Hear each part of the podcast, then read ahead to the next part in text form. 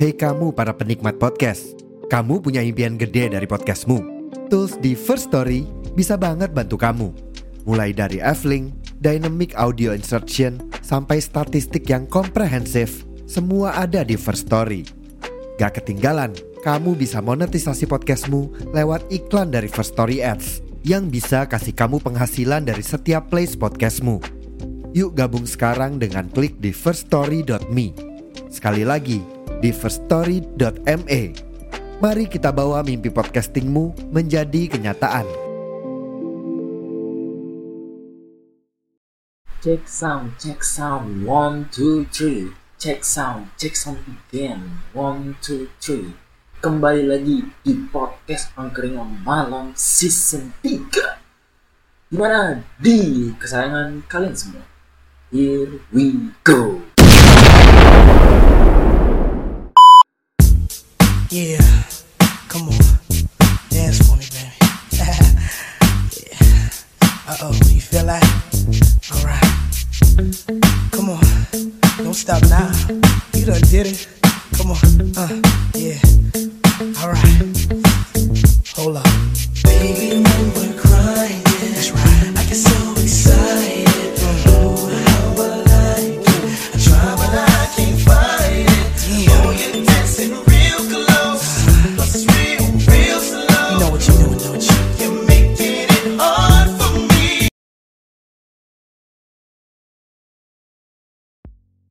Oke, gimana kabar kalian semua? Semoga baik-baik aja. Yang sedang menikmati musik sembari makan, sembari minum, ataupun sembari tidur Lanjutin aja.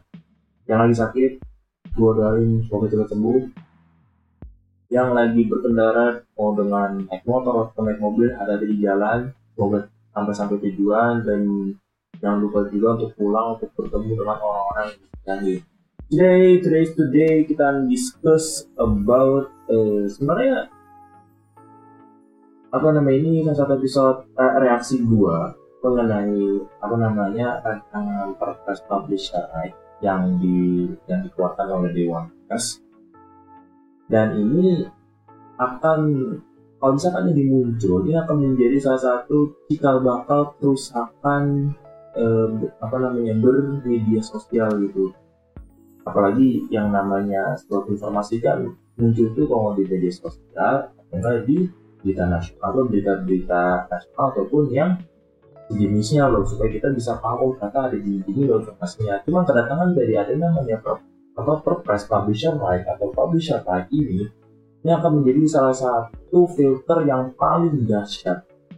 Secara mungkin menurut dia dari pihak sana baik karena akan menghindari hoax ataupun menghindari namanya informasi-informasi palsu ataupun namanya menghindari opini cuman di sisi lain akan mematikan ekosistem yang besar loh.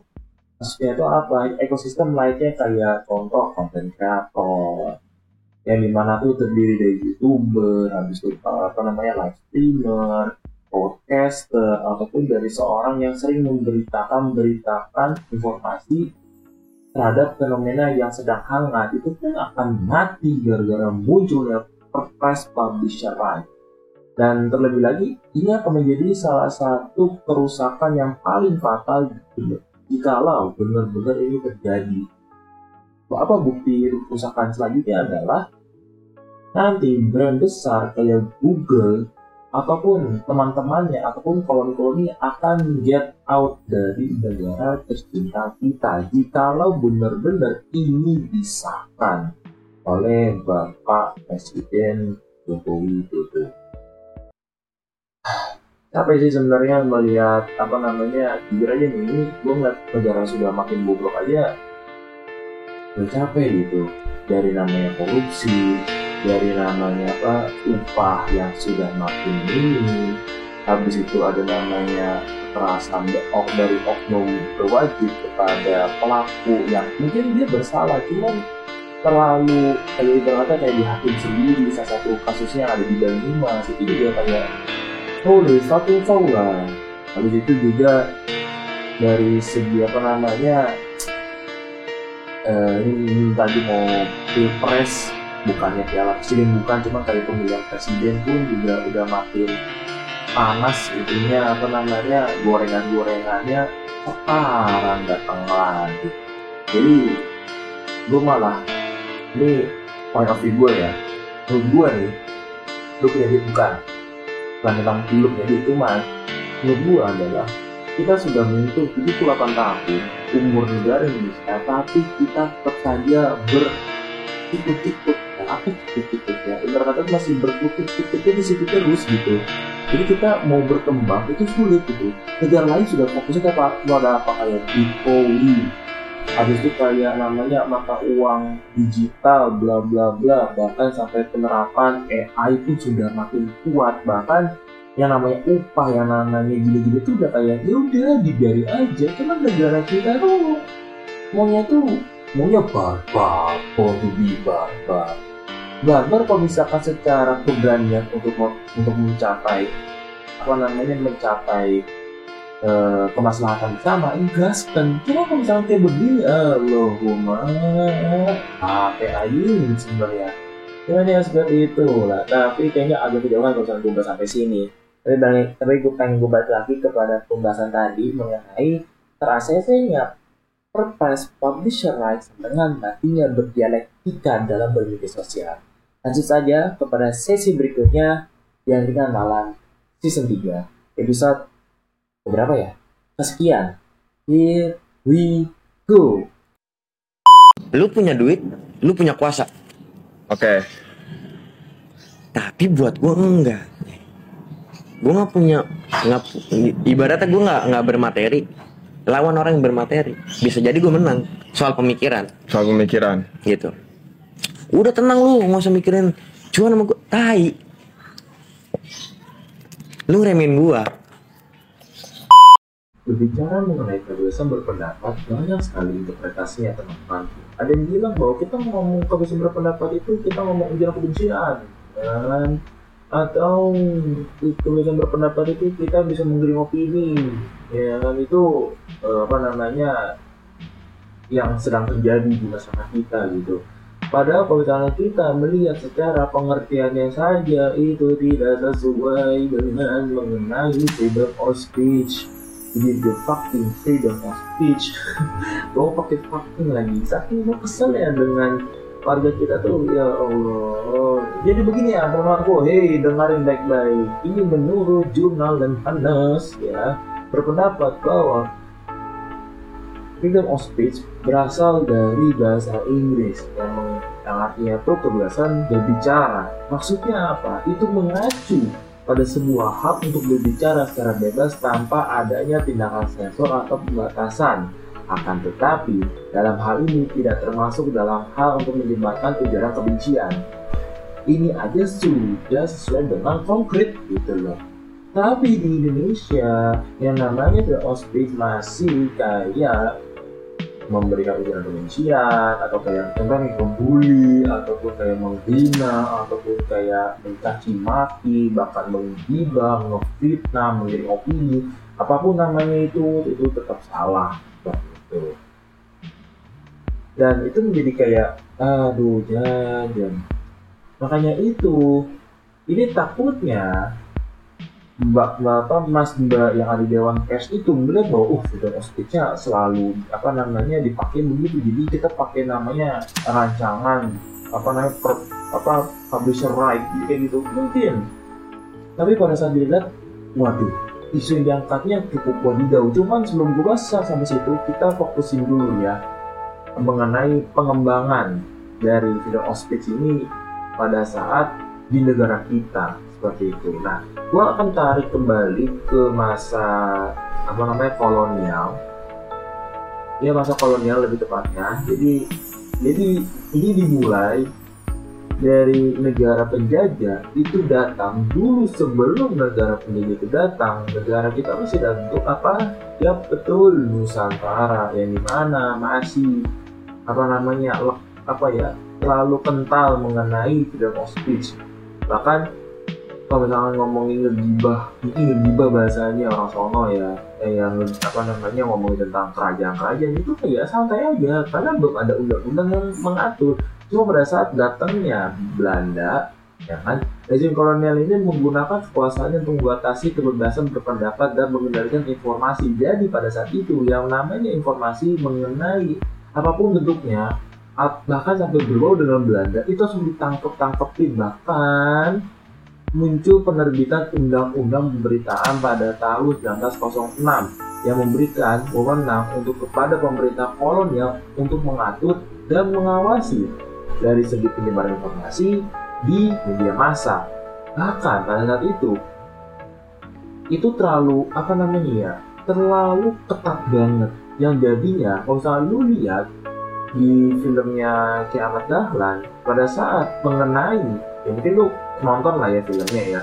Pada saat pemberitaan dari cetakannya punya perusahaannya Kiamat Dahlan itu langsung digerebek gitu. Digerebek oleh apa namanya para penjajah. Karena kalau seorang sana kayak dibilangnya itu memunculkan rasa ujaran kebencian kepada Belanda ataupun kayak apa namanya mendoktrinisasi bahwa bangsa ini ini ini. Jadinya Belanda nggak suka dan akhirnya malah dibubarin di saat itu juga. Seperti itu. Jadi kayak ah itu udah agak sedikit capek misalkan teman-teman membaca secara lebih detail mengenai perkembangannya. Tapi gue lanjut lagi. Namun semangat kebebasan berpendapat ini tidak pernah padam di masyarakat Indonesia. Seperti itu. Lalu lanjut lagi. Pada awal abad ke-20 beberapa tokoh termu- terkemuka maksudnya kayak gitu kayak Tan Malaka, Soekarno, Muhammad Hatta ataupun teman-teman eh, kerabatnya itu menggunakan tulisan dan pidato mereka untuk menyampaikan kritik terhadap ketidakadilan dan penindasan yang dilakukan oleh para penjajah Belanda seperti itu. Singkat cerita lagi, perjuangan kemerdekaan itu telah sampai ya dan itu mengubah. Namanya yang awalnya kebebasan berpendapat itu sulit jadi apa lebih tepatnya sulit bergerak. Sekarang agak lebih bisa bergerak seperti itu. Itu setelah pada saat kita sudah merdeka tahun 1945 ya kan?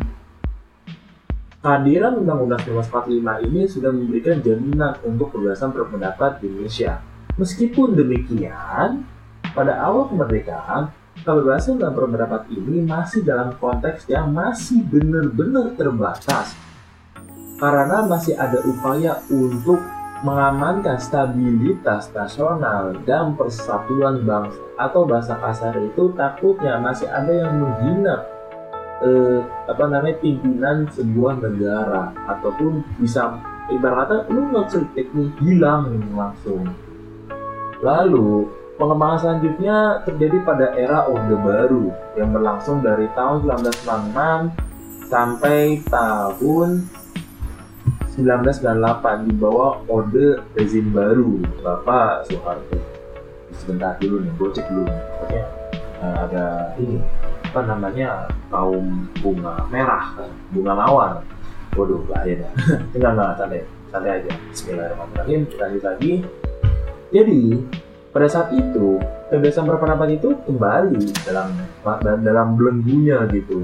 Terdapat aturan yang menghambat kegiatan eh, politik dan media yang mungkin tidak searah dengan pemikiran dari para pimpinan yang ada di pemerintahan bahkan dianggapnya sebagai ancaman karena mengganggu seperti itu. Banyak aktivis banyak jurnalis bahkan banyak orang-orang yang memvokalkan akan namanya itu ketidakadilan di dalam zaman orde baru itu bahkan diculik, dibunuh, dibuang, bahkan dihilangkan seperti itu. Contoh-contohnya banyak sekali kan bisa cari di Google seperti itu. Namun singkat cerita setelah berakhirnya rezim orde baru, Indonesia itu mengalami perubahan yang signifikan dalam kebebasan berpendapat. Sampai saat ini, Indonesia itu dianggap memiliki kebebasan berpendapat yang lebih baik ya dibanding dengan periode sebelumnya. Berbagai undang-undang serta regulasi telah diperbaiki untuk memberikan pengakuan dan jaminan yang lebih luas terhadap kebebasan berpendapat dari segi media massa, platform digital, dan lain-lain. Akan tetapi, akan tetapi di tahun 2023, oh my god, kedatangan salah satu rancangan yang paling tidak disukai oleh semua kalangan mana pun. Seperti gue bilang, dari konten kreator, dari podcaster, dari berita apa penyiar berita-berita kecil yang belum bisa sebesar kayak MNC, TV One, Trans TV, apa Trans TV ataupun Trans 7 ataupun Metro TV ataupun apa nama sejenisnya itu masih belum bisa karena keterbatasan ruang serta itu kan kita lagi grow up seperti itu. Nah selanjutnya gue bahas sesi selanjutnya mengenai publisher life yang di mana benar-benar merusak citra dari konten kreator.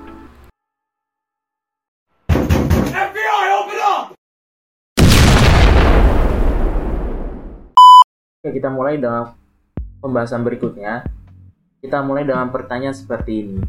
Jika kebebasan berpendapat saja dibatasin, apakah akan matinya sebuah berdialektika dalam media sosial?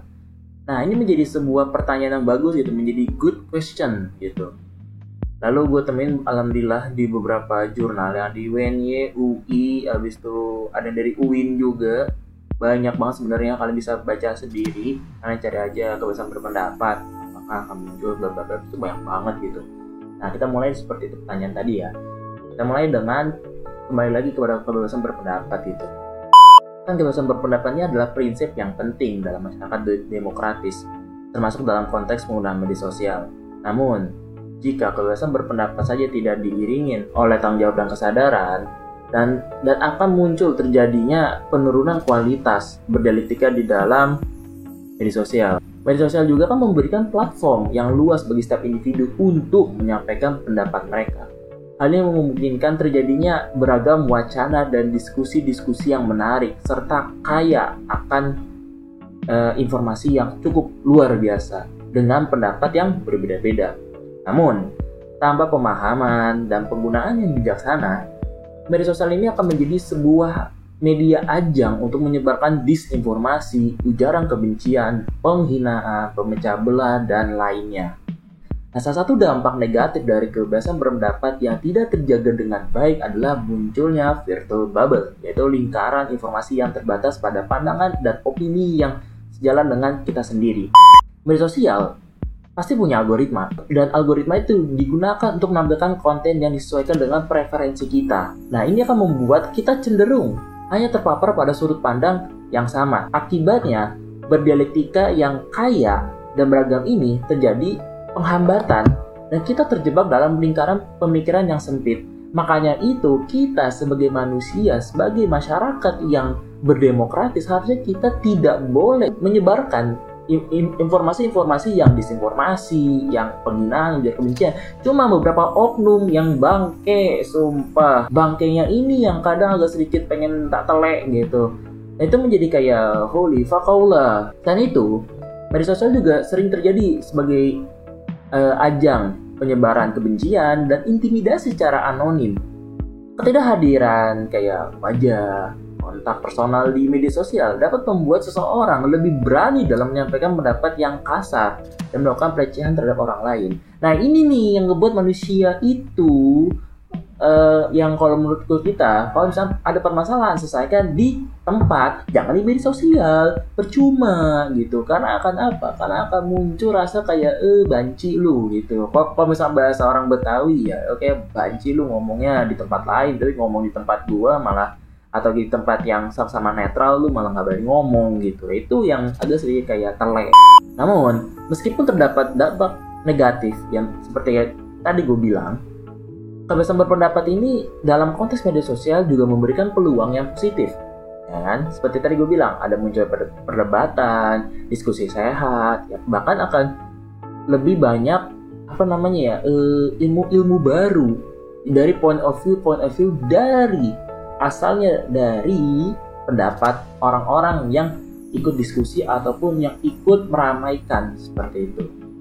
Habis itu, kebebasan berpendapat pada media sosial memungkinkan orang untuk menyuarakan isu-isu penting, ya kan, membangun komunitas juga dengan minat yang sama, serta memobilisasi dukungan untuk berbagai tujuan yang baik.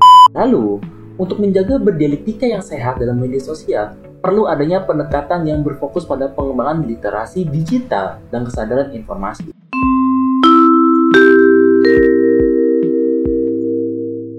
Pendidikan mengenai pemikiran kritis, analisa sumber, dan penyebaran informasi yang akurat harus dilakukan secara terus-menerus. Dan itu, perusahaan media sosial yang yang bertanggung jawab, yang memiliki power, juga harus menerapkan kebijakan dan algoritma yang menjaga kualitas dari berdialektika itu itu tidak muncul lagi namanya konten-konten yang merusak. Sebagai pengguna media sosial, tentu kita juga harus memiliki peran penting untuk mempertahankan berdialektika itu tetap utuh dan bermutu. Menjadi kritis terhadap informasi yang kita terima adalah hal yang paling penting.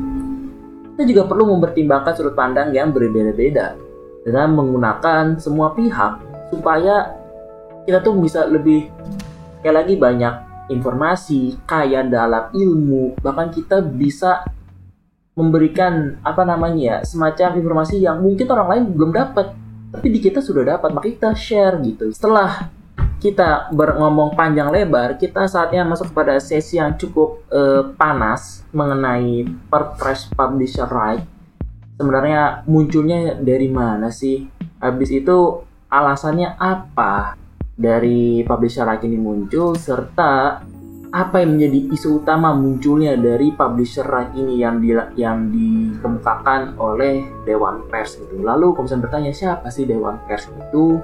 Dan kalau misalkan gue misalnya ada beberapa sesi, gue pengen angkat tentang perkembangan dari Perpres Publisher Right ini. Jika sudah sampai ke titik yang paling tidak enak, well well well, kita akan masuk ke dalam zona zaman Orba yang tentu akan menjadi salah satu yang paling titik kritis karena kebebasan berpendapat itu dibatasin. Makanya itu kita sebagai manusia bahkan sebagai masyarakat yang tinggal di Indonesia perlu kita sadarin gitu. Ya sampai benar-benar terjadi well well well. Produk well, Anda akan OTW menjadi North Korea era modern yang tentu itu tidak mungkin terjadi itu harusnya ya. Tapi kalau misalnya terjadi ya wassalam dah. Tapi yang efek samping berikutnya adalah nanti Google, Facebook, dan Instagram dan lain-lain akan get out dari Indonesia. Karena kita tahu bersama bahwa Google, Instagram, Facebook, YouTube, TikTok tuh kalau secara uh, apa namanya ya secara visi misinya itu uh, memberikan ber, beberapa macam bahkan berane, beraneka ragam informasi-informasi mengenai apa yang kamu butuhkan seperti itu. Nah itu jika sampai belum terjadi udah keluar. Ada nanti kita akan melihat kayak parpol, itu jabat-jabat tangan, itu kayak sah-sah-sah. Kita hanya ngeliatin dari segi partai politik doang. Lu kira kita apa gitu? Apalagi nanti bisa ditunggangin gitu. Tapi sebelum tunggangin, nah nanti kalian bisa pahami sendiri. Lanjut aja pada sesi berikutnya dari Press Publisher Right 2023. Here we go.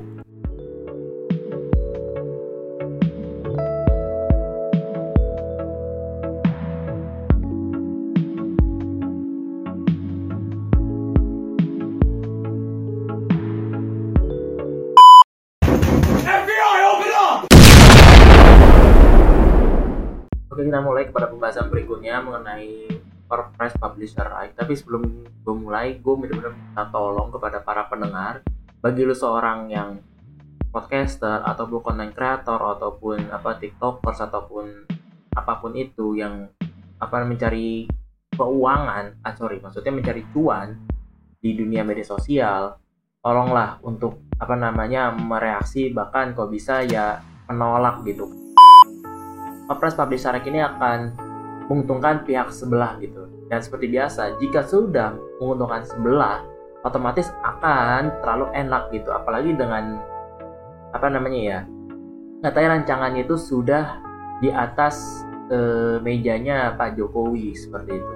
Bukan nama gue merendahkan, bukan mati gue menjelekan, bukan. Cuman balik lagi kepada kita sebagai content creator dan gue apa namanya ngomong nih sebagai podcaster mendengarkan informasi seperti ini aja udah kayak kesel-kesel sendiri karena ya lu pikir aja deh nanti dah nanti akan gue jelasin kenapa gue bilang seperti itu tapi speaking about publisher right jadi menurut National Content Perpres Publisher Right ini merupakan eh, sebuah sistem atau sebuah undang-undang atau kayak peraturan yang mengatur terkait konten-konten berita yang dihasilkan oleh perusahaan pers. Kemudian, platform juga bisa melakukan semacam filtering mana konten yang news, mana konten yang bukan, mana konten yang bisa dikomersialisasikan. Itu menurut pimpinan dari National Content. Habis itu, apa sih yang ngebuat uh, munculnya Perpres Publisher ini? Isunya apa sih yang harus penting banget diangkat itu katanya yang pertama adalah bisnis B2B yang pertama. Yang kedua soal data. Yang ketiga soal algoritma. Itu tutur dari pimpinan Dewan Pers habis itu ini diperkuat dari Bapak Wamen Nezar Patria menjelaskan bahwa pemerintah mencoba membangun keberlanjutan atau sustainability industri media di tengah disrupsi digital. Oleh karena itu, Wamenkominfo menyatakan kerjasama bisnis yang menjadi hal yang penting antara industri dan media platform digital. Karena apa? Kalau menurut apa namanya Pak Jokowi, menurut dia pada saat dia memberikan apa namanya itu eh, sambutan atau materi gitu, mengatakan bahwa hampir hampir besar itu di dikuasai oleh media digital seperti itu. Bahkan bisnis atau atau apa pun itu itu paling banyak tuh di ranah media digital seperti itu. Jelas dikatakan oleh Pak Jokowi. Habis itu ini jujur saja ya, setelah gue mendengar ini, dilihat-lihat di awal kayak soal data, algoritma, B2B, ya kalau dipikir-pikir nggak baik gitu. Karena bagi seperti ini ya kalau ibarat kata nih ibarat kata ya algoritma ini sebelum gue merespon ini ada ucapan dari Wamen Nezar Patria atau Papa uh, Papa Nezar mengatakan bahwa kenapa diangkatnya tentang algoritma Kata dia gini, untuk mencegah konten yang potensial mengandung hoax, disinformasi, ataupun tidak sejalan dengan Undang-Undang Nomor 40 Tahun 1999 tentang pers serta kode etik jurnalistik. Ya kan? Kemudian, jika kita lihat lagi, kalau misalkan berpikir hanya mengenal kata hoax, terus fungsinya KPI apa? Ya kan? Karena KPK merupakan salah satu badan pemerintah, badan usaha dari pemerintah yang mana tuh mengatur filtering gitu. Tapi kita lihat bersama lah kualitas dari kerjanya dari KPI pun agak sedikit kurang. Karena apa? Kemarin gue dapat kabar di beritanya detik.com mengatakan bahwa ada kartun gay, LG, eh, gay, lesbian atau biseksual dalam bentuk kartun. Itu pun bingung sebenarnya KPI-nya ke mana gitu loh. Itu ke mana bang? Eh gitu loh. Begitu aja tembus gitu. Ya kan? Apalagi gak usah jauh-jauh deh kita mengenal sinetron yang apa editannya udah kayak meteor apa kuburan di meteorin itu pun ibarat kata KPI pun diem-diem aja gitu loh. Kayak loh fungsinya anda apa? Apa gitu loh. Katanya memberikan tontonan baik katanya memberikan berita yang apa namanya bisa memfilter tapi kok begitu nggak nggak bisa diurus? Tiba-tiba ngurusin tentang publisher right ya kan? Yang yang ini pun sudah diambil menurut gua sudah diambil alih oleh dewan pers gitu.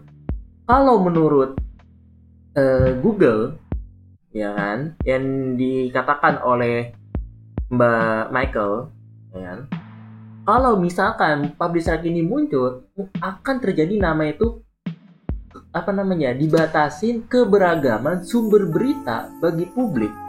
Nah, itu dilanjutkan kembali kutipannya dari ucapannya Mbak Michael Browning mengatakan bahwa jika kuasaan itu diberikan kepada lembaga non pemerintah untuk menentukan apa konten yang boleh dimunculkan di online ataupun boleh diterbitkan itu akan merusak ekosistem dari media sosial itu media sosial itu tersendiri seperti itu ya kan dan kembali jika disahkan dalam versi sekarang, menurut Mbak Michael, peraturan ini akan mempengaruhi kemampuan Google untuk menyediakan sumber informasi online yang relevan, kredibel, dan beragam. Tentunya di negara tercinta kita, Indonesia. Jika ya kan? Jika sampai Google itu, ya kan? Google itu berkata bahwa publisher ini benar-benar disahkan, dia akan keluar. Dia sampai ngancamnya seperti itu. Dan di itu nggak cuman Google doang nanti yang keluar, nanti ada Instagram, Facebook, di Twitter yang bentuknya ada X, YouTube, habis siapa lagi? Banyak lah, WA mungkin. Itu keluar gitu. Lo pikir enak kembali ke zaman ini, North Korea. Sumpah. Ini gue kesel nih, karena balik lagi kepada anjir loh. Gue waktu itu masih ingat tahun 2017 atau 2018 gitu mengatakan bahwa KPI itu akan siap untuk bertugas dalam hal mengfiltering. Filtering apa sih bang? Filtering dalam sebuah konteks kayak media yang hoax, dia akan hapus. Simpelnya gitu loh. Ataupun kayak berita-berita yang kurang kredibel akan di take down. Tapi kok sekarang malah turun gitu lu pada ke mana? Hei, antum, antum semua yang ngomong kayak gitu, ke mana anda? Seperti itu. Habis itu, masih di dalam kutipannya, apa namanya, kutipannya Mbak Michael Browning,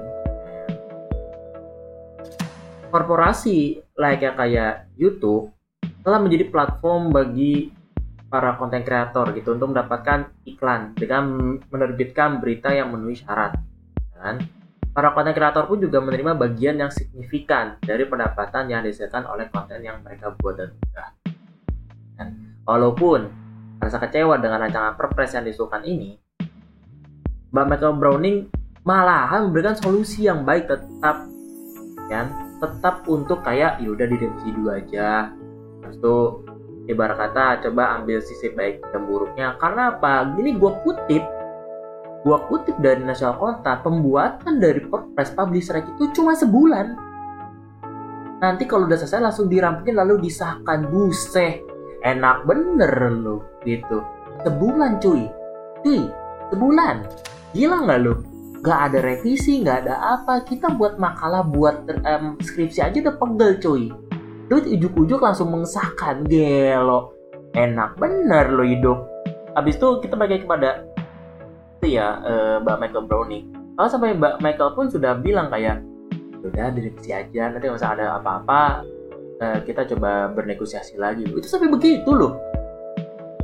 Saking begitu untuk Indonesia saking cintanya dia. Karena ya, ya meskipun itu paksa pasarnya dia cuman itu lebih mengutamakan kredibilitas kan habis itu kualitas serta keanekaragaman informasi yang yang yang dimiliki kemampuannya oleh Google jika sampai itu dibatasi sekali lagi Google akan keluar, YouTube keluar, Instagram keluar, pun keluar. Nanti sisanya ada apa? Cuman TV kembali.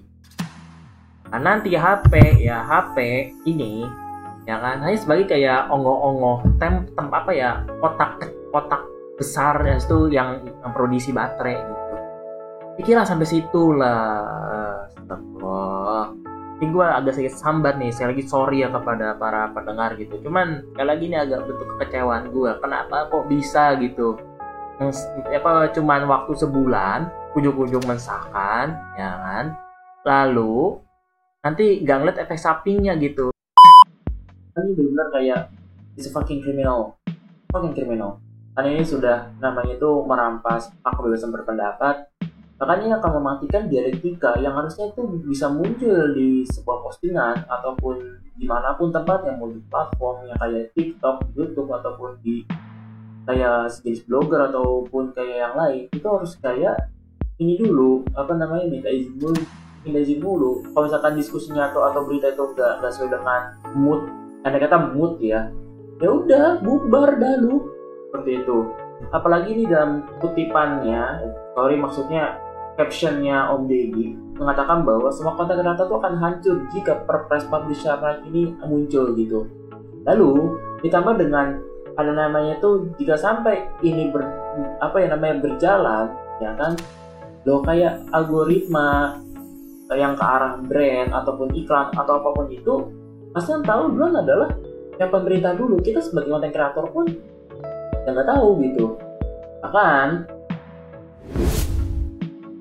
gue pun juga menolak gitu. Menolak dengan ada namanya ini gitu. Cuman sekali lagi jika sampai ini berjalan ya udah. Selesai tamat gitu. Lalu banyak banget reaksi dari para konten kreator konten kreator besar. Kayak Bogor Santoso mengatakan bahwa gue malah andai kata jika gue jadi bos media gue akan buat ibarat kata tuh buat konten yang mirip-mirip. Kayak OBD yang kayak podcast mukbang kayak Tamboyku TV makanan kayak Next Carlos dan lain-lain. Lalu kalau misalkan gue pengen trending akan gue trendingin sebulan sumpah. Dan itu akan paling kena embel-embel kayak apa kayak paling si paling kredibel bla bla bla gitu. Itu ucapnya. Lalu juga kalau kata eh Babang Cuci Pardede berkata lawan. Ya lawan. Gue, juga setuju lawan gitu. Karena shit sumpah kalau misalkan ini benar terjadi anjir akhirnya malam hilang dari permukaan bumi yang ada gitu. Dan lo tahu apalagi ini dalam sistem cuman dalam waktu sebulan itu dibuatnya. Apakah itu akan bisa mencapai kecakupan secara internal maupun eksternal bahkan tersier dari media sosial itu?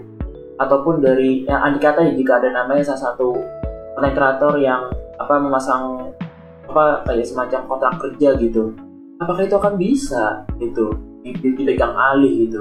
Itulah kayak ini benar kayak perampasan menurut sih. Perampasan dalam berpendapat perampasan dalam harta aset harta pun juga kayaknya bisa masuk gitu. Dan ya seperti itu. Cuman update terkini katanya ini masih e, menurut warta kota mengatakan bahwa perpres publisher ini akan segera dirilis. Itu gue baca itu seminggu yang lalu. Jika sampai itu terilis ya sudah. Saya langsung berkata apakah ini akan menjadi jalan? Salah satunya saya untuk mencari nafkah atau mau selesai gitu. Tapi but anyway mungkin segitu aja untuk podcast kali ini thank you karena sudah menerangi dari awal hingga akhir. Dan sorry kalau misalkan ada banyak salah-salah kata ataupun banyak kata-kata yang kurang dipahamin ya. Mohon maaf banget. Oke okay, thank you dan sampai jumpa di Angkringan Malam Season 3 Bye bye Sampai jumpa lagi.